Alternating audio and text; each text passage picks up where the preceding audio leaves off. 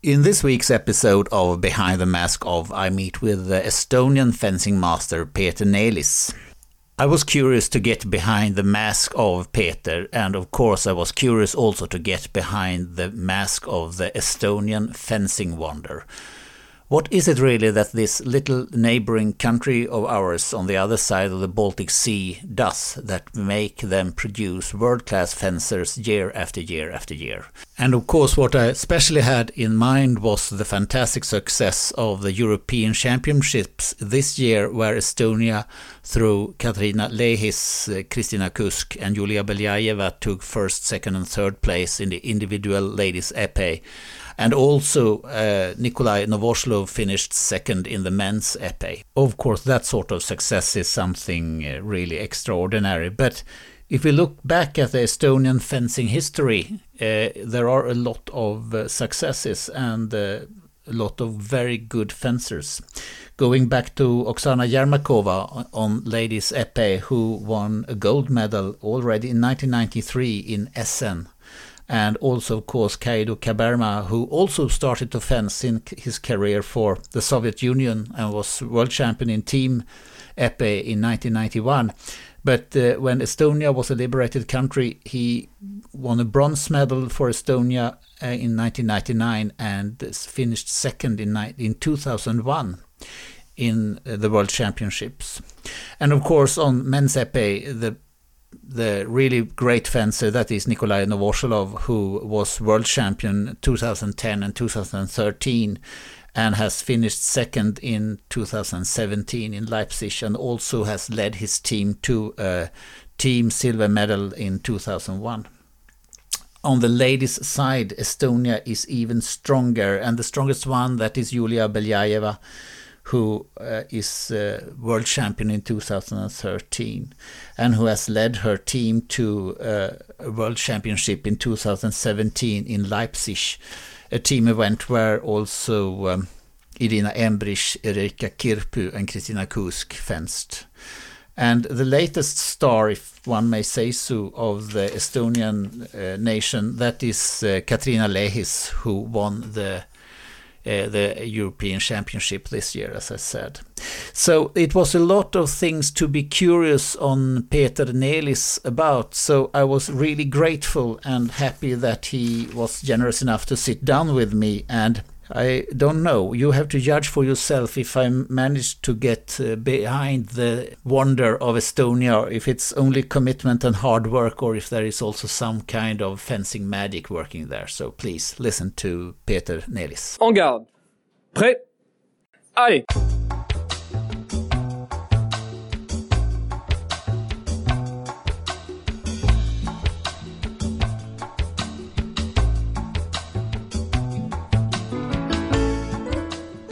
Okay, then I start by saying very welcome to the podcast Behind the Mask of to Peeter Nelis of the Estonian Fencing Federation.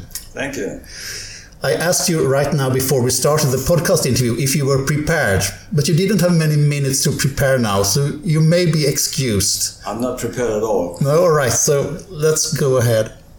Peeter, I know you are a very important and central person in Estonian fencing. Is that so? Yeah, in a way, yes. Yes. You have been fencing but all... I'm not the only one. You are not the only one, no. You have been fencing all your life, though. Fencing has been a very important part in your life since very young age. Since very young age, yeah. I was yes. sitting on I, I was sitting on the beach with my father when I was uh, one year old, and I had two mini weapons crossed in front of me. Yeah. So my fate was sealed starting from there. Yes. And you were sitting on the beach. Yeah. And that is also part of your growing up because the city of Haapsalu, where you are from, that is on the on the shoreline of Estonia to the Baltic Sea. Oh yeah, exactly. Yeah, it's a resort, a small resort. You can't really call it a city because, because it's such a small town. We have got only 10,000 inhabitants at yeah, the right. moment. So yeah. it's a, are you still living it's in? more like a big village. Yeah, are you still living in Haapsalu? I still do, yeah. All right. So let's let's come back to Haapsalu as we go along. But your father was Endel Nelis, Right. who is an iconic fencing master in Estonia. Uh, there was a film made based on events in his life. Right. The film The Fencer, which was a Estonian-Finnish cooperation film, I think. It was uh, directed by Klaus Härö. I've written it down here. Yeah. Yeah, but uh, tell me a little bit about your father and his life in Estonian fencing. Well, uh, it was. He was. Um, he started fence quite uh, by accident because uh, when he went to um university, there was a wide choice of uh, various events he could choose from, but um, for some reason, uh, there was a.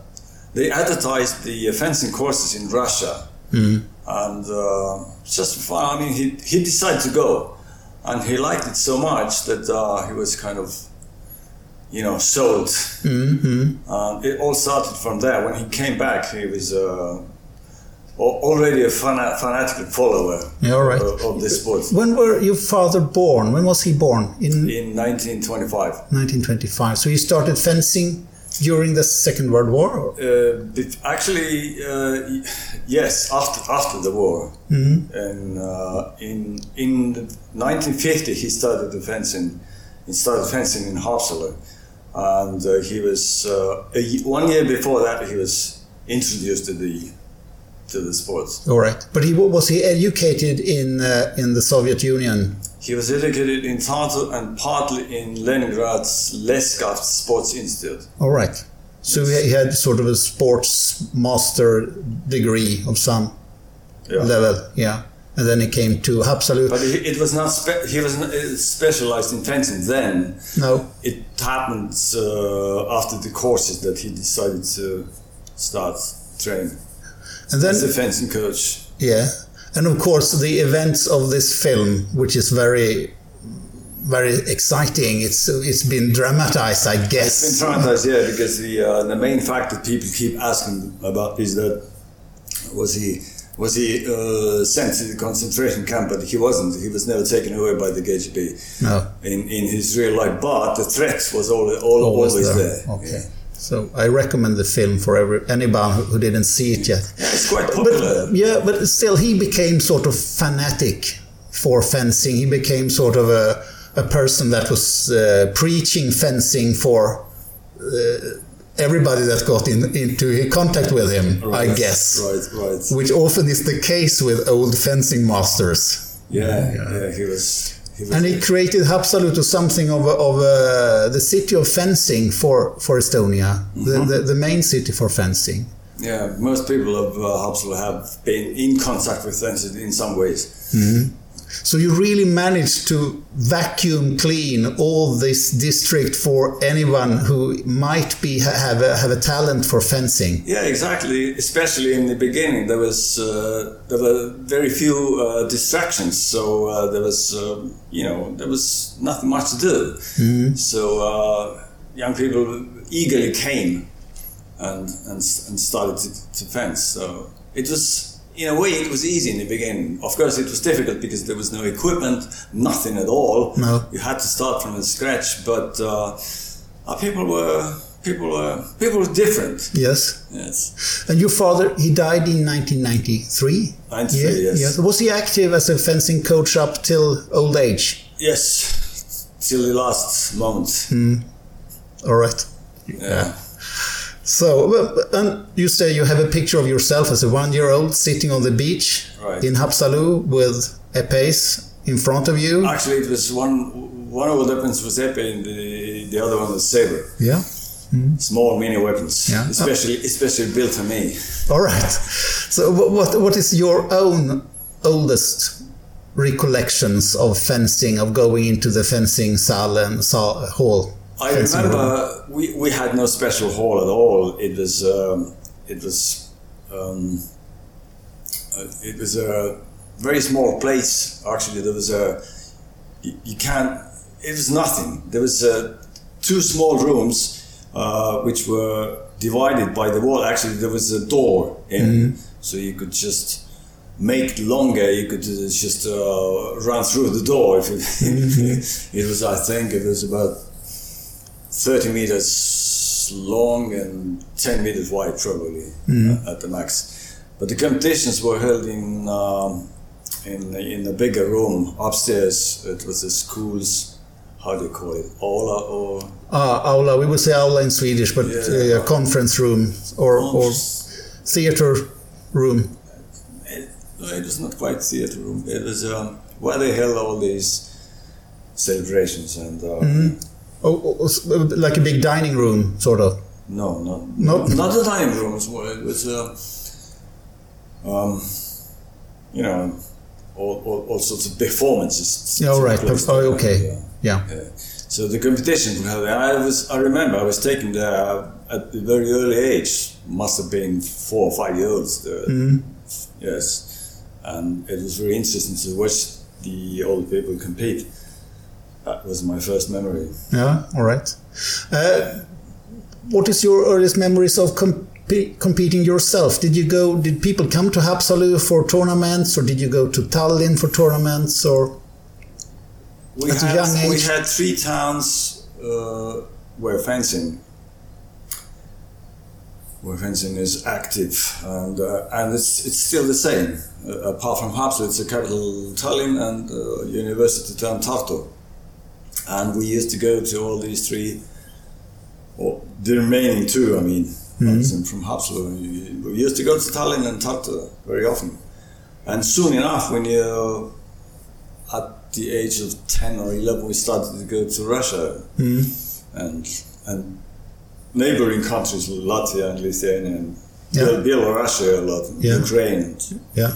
I mean it's all from Soviet What was Union. what was the position of Estonia within the Soviet Union as a fencer um, environment? Was was there anything special with Estonia in, in, in within the Soviet Union? They say that this part because something sometimes you talk about different parts of the Soviet Union were strong in different um, sports, as for instance Lithuania is very strong in basketball. Was it something like that for fencing in Estonia? Yeah, yeah, it was. Estonia was quite well positioned in uh, in Epee for some reason, and uh, no one knows why. It can't be explained. It's uh, why Epee is so popular in Estonia and why it's so successful. Because in those times we tried all four weapons, All right. but never, never as close as Epee to any success. There is no definite decision from the Estonian Fencing Federation that we shall only go for epee. We should not. In the beginning, in the beginning, no, because uh, in the Soviet system, you had to have, uh, in in order to have uh, the central supply equipment and all the resources, you had to do all the weapons. That was the system. But then, when we became independent, there was no resources anymore, No. no nothing in the beginning, and so we had to decide, and uh, there was, it was there was no problem. I mean, it was easy. The decision was very easy. Uh, Foil and saber were dropped Yeah. because Epee was very successful. And you still stand by that? Yes, Yes. And there is no discussion in Estonia that you should aim for, never. because also the hardest competition is in epee if you look at an Yes, international if you, level. If you look at it th- this way, yes, but um, uh, we tried at, the, at one point. Someone uh, we even tried to recruit uh, one uh, saber fence uh, saber coach, and he was working for a couple of years. And out of this group came uh, Nikolai Novosjolov, two times world champion in epee, and he- he started in saber. All right. But soon enough, we understood that there was no way in, in breaking through in saber on the international arena. So uh, we switched him over to Yeah. Epee quite soon, and uh, and soon after the coach left anyway. So there was no point going on. Okay. So and that is still that is no there is no debate, no discussion that no, no. club that wants to start with foil and to try to break No. break through on foil. Epee is is the the Bible. Yeah, yes, you could say so. Okay.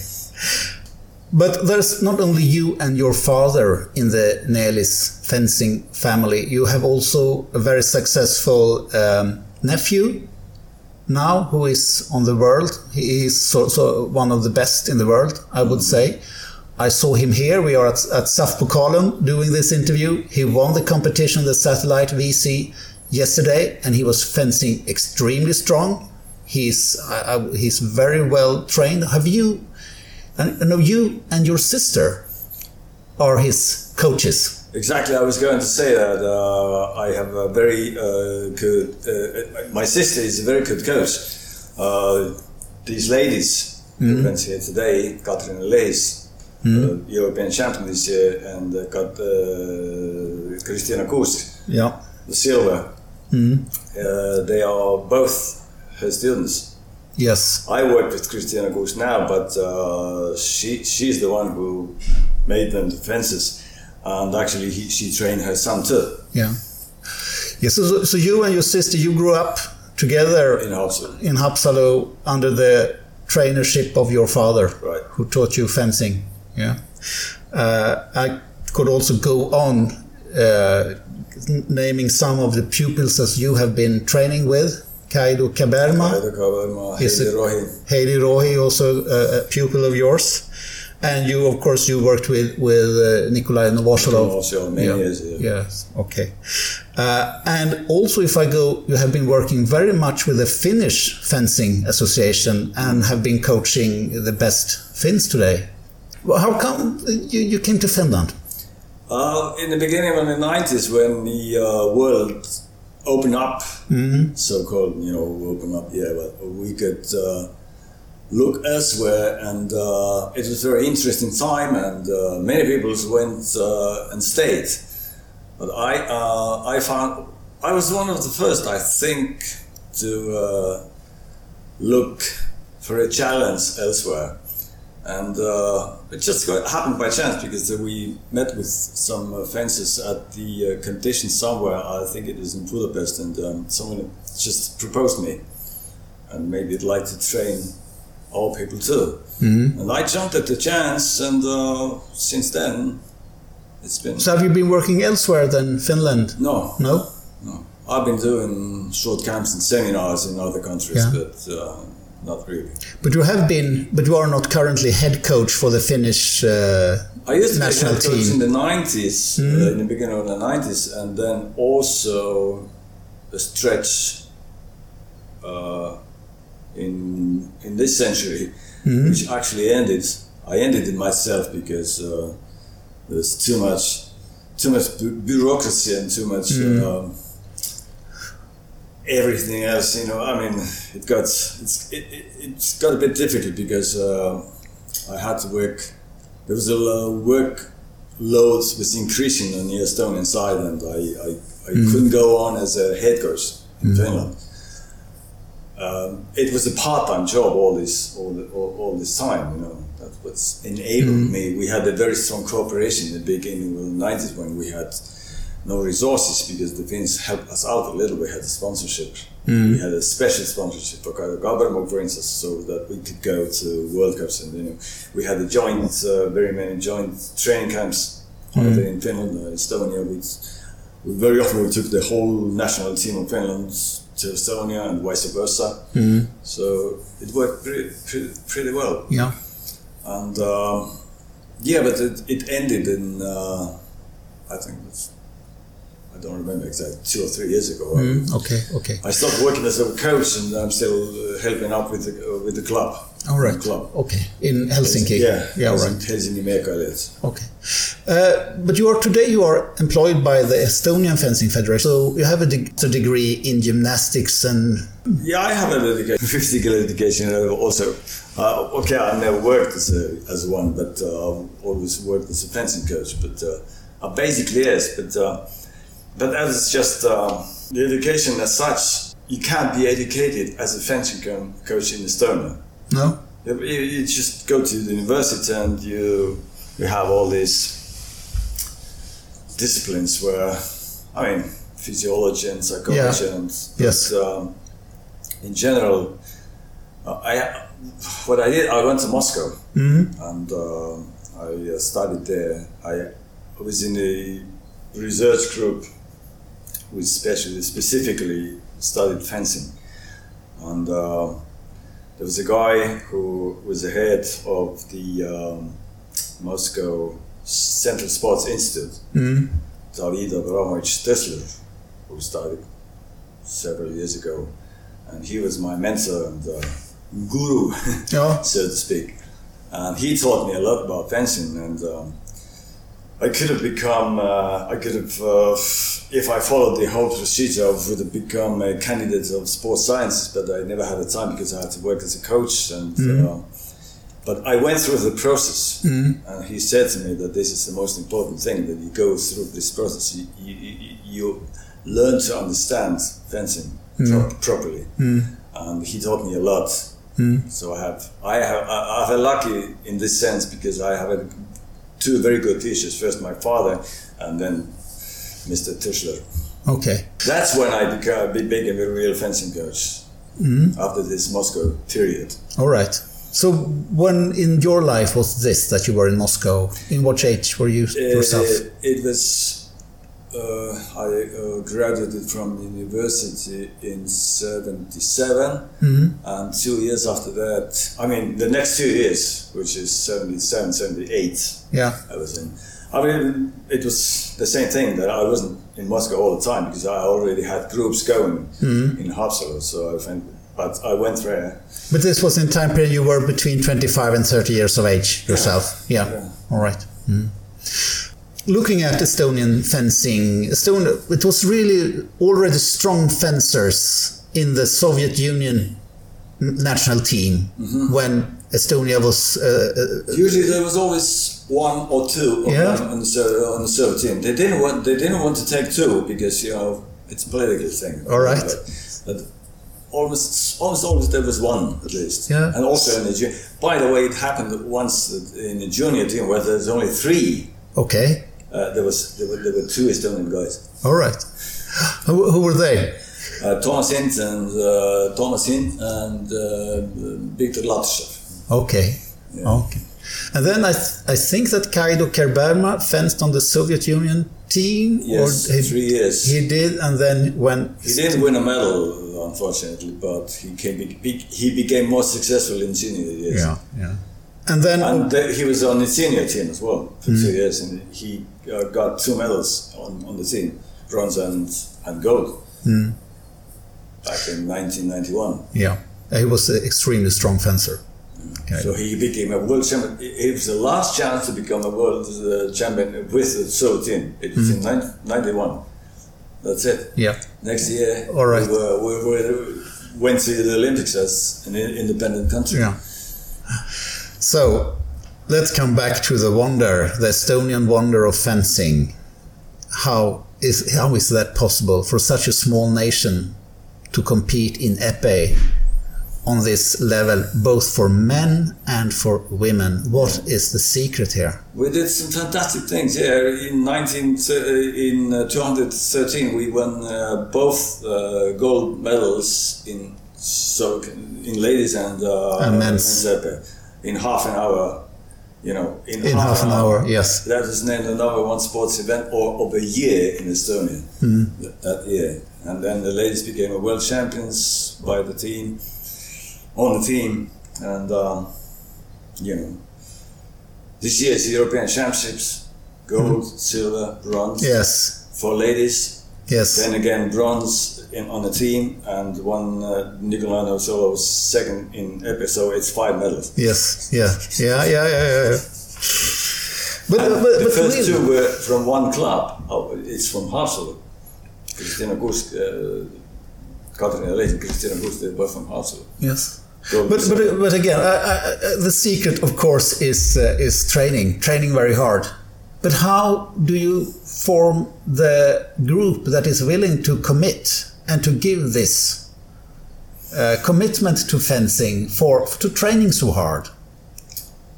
Yeah, it's uh, that's a tough question. and It's really difficult. To, I think it's it's it's part, must have been must be part part of the tradition, and um, I think we have a special uh, special knack to find the right people. hmm because otherwise, you know, I mean, everybody keeps asking sometimes, where did, where, where, where did they pick them up, you know? Mm-hmm. Such tall and Yeah. talented people and uh, strange thing. But you also you, it needs good atmosphere in the in the club, in the team. When you come into the club, when you come into the fencing room, when when you uh, come into to fencing, that that you're together. The athletes between themselves have, has a good atmosphere and a Yeah, good good comradeship. Sometimes it's not. It's it can be. It, can, be rough as well. The opposite, yes. Yes, I know. So it's like that in every fencing country. Yeah, Uh, but yeah. still, when it actually needs to get together and form a team, then then uh, They then they go as one. Yeah. is that something that has to do with with being a small nation and also being a small entity that used to be part of the, this big Soviet Union? That that Estonia means something very much to the in the hearts. yeah a these fencers. And also Haapsalu is in a smaller place, and uh, you know the Novosolo, these two ladies I mentioned. Is Nikolai Novosolo is also from Haapsalu? Yeah. You're right. of course. Mm, of course. Roy, they're all from Haapsalu. The, the silver team uh, from the European Championship, the men won silver in European Championships in Montreux, which was three years ago. The, all. Yeah. four guys were from Haapsalu, Yeah. the whole team. Yeah. And that was then Novoslo, Sten Sten Priinits, Priinits, Marno Allika, and Allika, Peter Turnau, Peter who was second Turnau. He was second. Yeah. All right. It's a strong team, and all from this very little village for recreation, where Mm. people went to take to bath and and to, to take it easy. Yeah, Russian Shah uh, Yeah. came there. Even the railroad was built for him. The- yes. It boasts, it's boasts the longest uh, platform to this day Yeah. in, in the Baltics. Yeah, for the railway station, so they Even, so the they rail, rail station is renovated now, but the train doesn't operate anymore. but it's a huge railway station. I think that's they could receive the trains from yeah, yeah. with, with the Tsar during the during the high days. But it's still this is also a little bit of old Swedish area where Swedish uh, Exactly. And people when lived. Hagenbeck uh, became my friend and he first time came there, he was very fascinated about the Swedish population. Then he even made donations, and uh, we have uh, islands there, and uh, yeah, and, in and Swedish. Some of them were populated mostly by Swedes. Yeah. and also the coastal area, um, which was um, uh, which was um, closed area in the Soviet time. You couldn't get even even our old people couldn't get access, free access to the uh, coast. It was all, all guarded, so had had to have a special permit.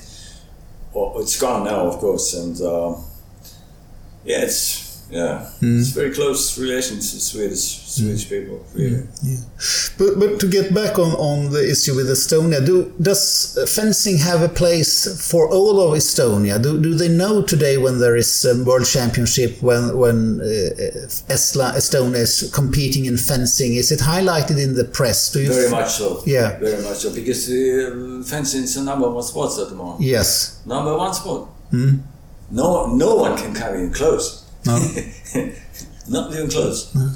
What, what is the system for, for your athletes? How uh, do they are are they professional fencers or do they do education at the same time as they fence or how do they manage I would say, I would say that, that they are semi-professional Hmm? because they all, uh, not all of them, uh, you can't really work, but they, from time to time, all these, most of, mostly these, most of these people, they have been working as well. Hmm? Even Nikolai Novosjolov, he was working in a, uh, in one firm, an advertising firm at one time, and he was also, uh, for a while, he was the secretary for the uh, Federation. Hmm? And uh, the other people, they have been working as well, or they are studying. So they are, so to speak, getting ready for the fu- future because you can You get can't- fence. You cannot live. They won't get a lifetime pension for bringing home any medals, as was the old system in in the eastern They will states get of the Europe. They will get the support. Actually, uh, for instance, our ladies, uh, they getting paid uh, better than parliament members at the moment. Mm-hmm. They get a super A uh, salary, All right. but it lasts only for two years. Okay. So you have to have a new result if you don't produce it. So And when they give up their fencing careers, then they uh, uh, do they have an education then? They haven't. Most of them they have an education. Yeah. and then they go on from there. Times have changed. Yes. Because in Soviet time you could do nothing else, and mostly you you became a, a coach after that. But these days you don't have to. No. All right. So, and they are smart people, all of them. Yes. they know that fencing ends someday, and uh, you have to do something else. Yeah. So today you are head coach for the men epee Yeah. team, and the ladies they are coached by. Got to go. Okay, but he's not here in Stockholm No, this weekend, so you take care of the of the ladies Yes. team. So looking looking into the, the, the closest future for Estonian fencing, where where are the teams today if we look at the world ranking? Mm, uh, the ladies team dropped a little, but uh, it doesn't matter because you can get back there anytime.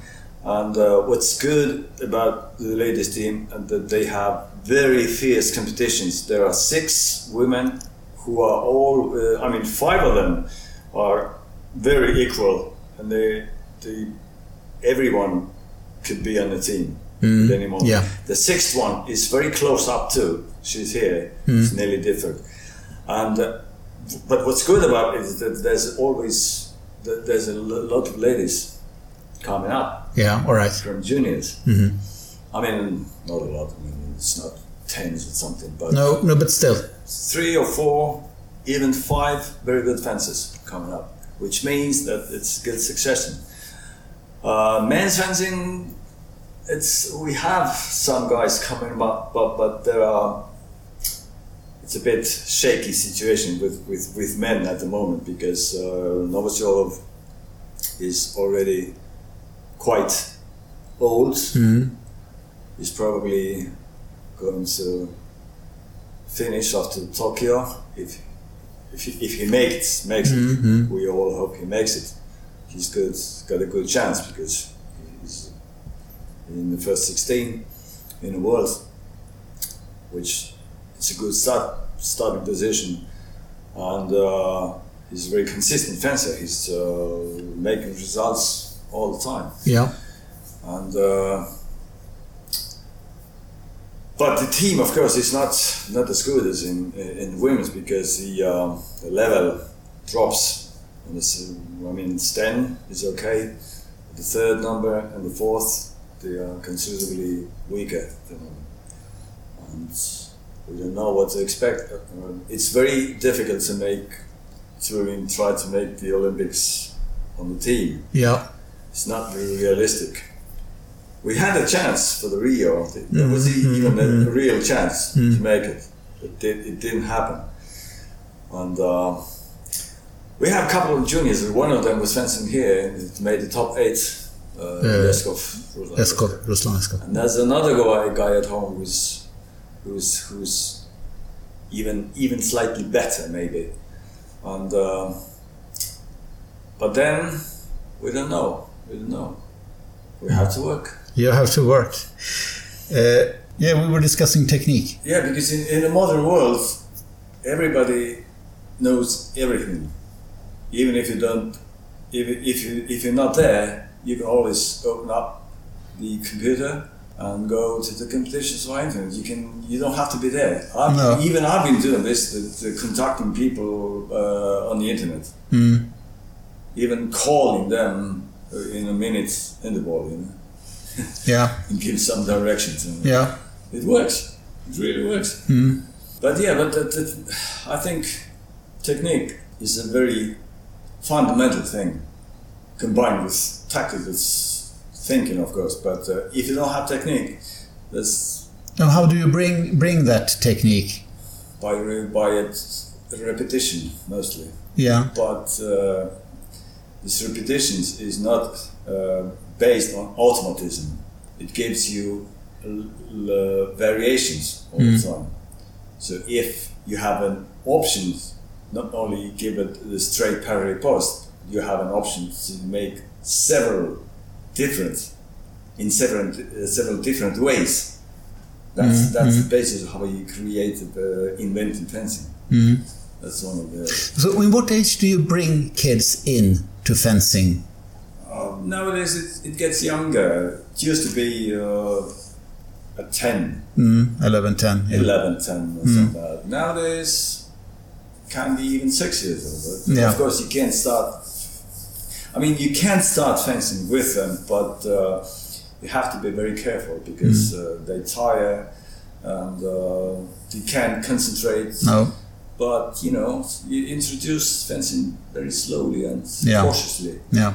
and uh, and they are in awe of these people around. Yeah. you know, medals and Yes. cups and everything. Yes. And they see the new I can become. Wild-eyed can- and yeah. uh, Well, in Sweden, we have we, today we have to start very very early with the kids because we also want to bring the parents. Mm-hmm. And if we wait until they are twelve, then the parents are not really. th- Then they start with some.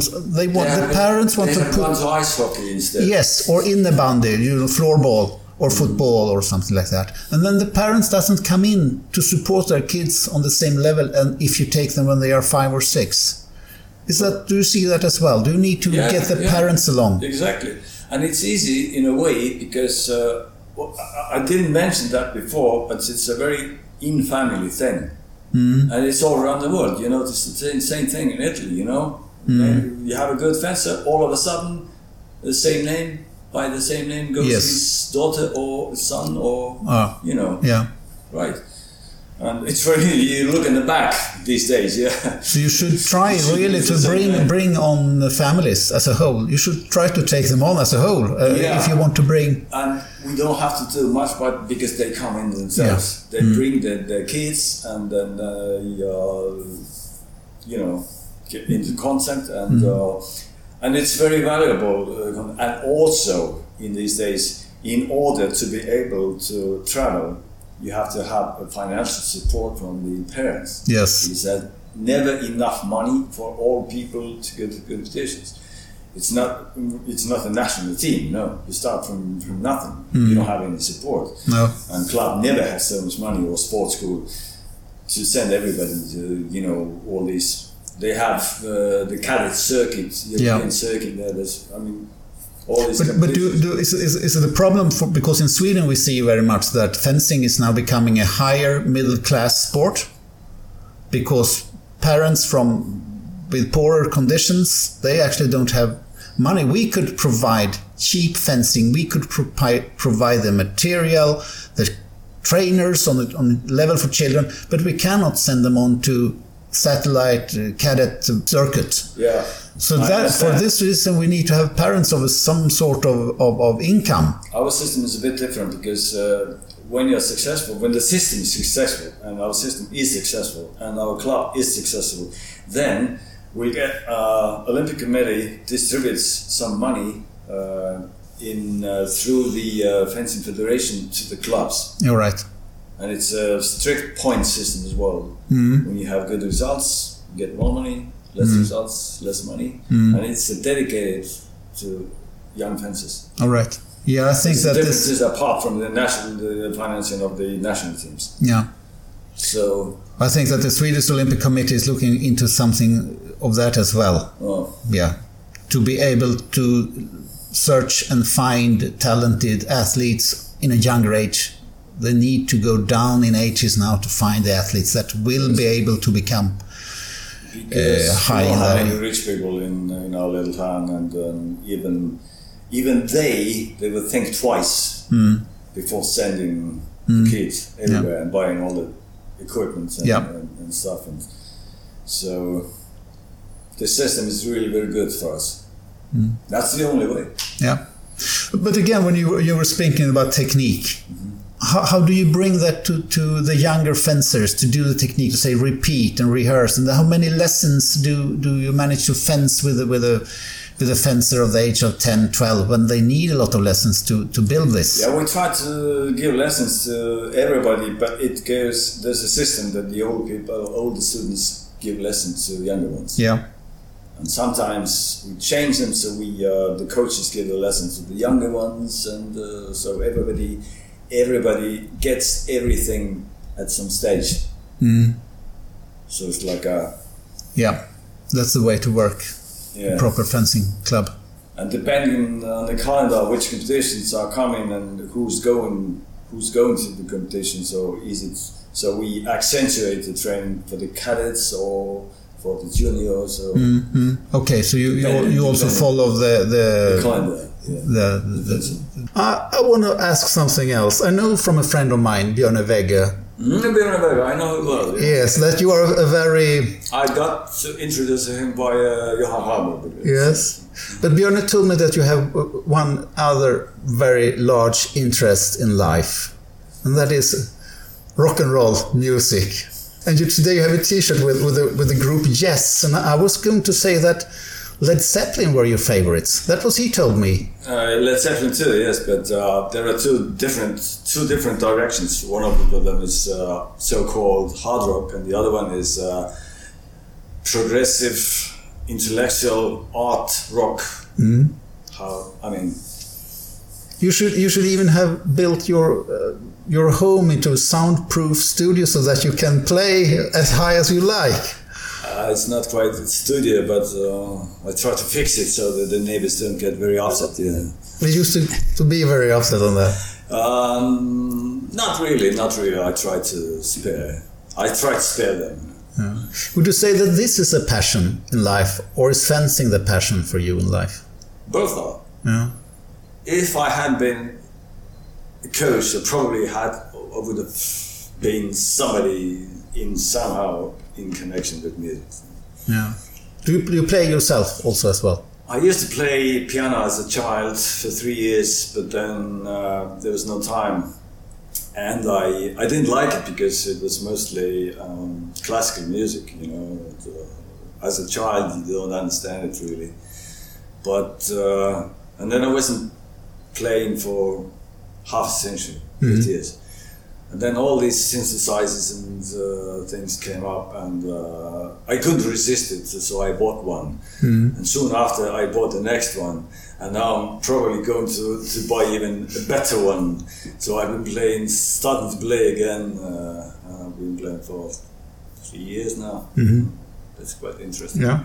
So most of I was I was all, all the time I was listening, listening, listening, and I was thinking, no, no, I have to do something, but I have to play myself. Yeah, all right. So, It's, it's easy nowadays. It's, uh, there's so much material on the internet, so you can get access to music sheets, sheet music, and um, all the songs, and listen to YouTube or whatever. You know.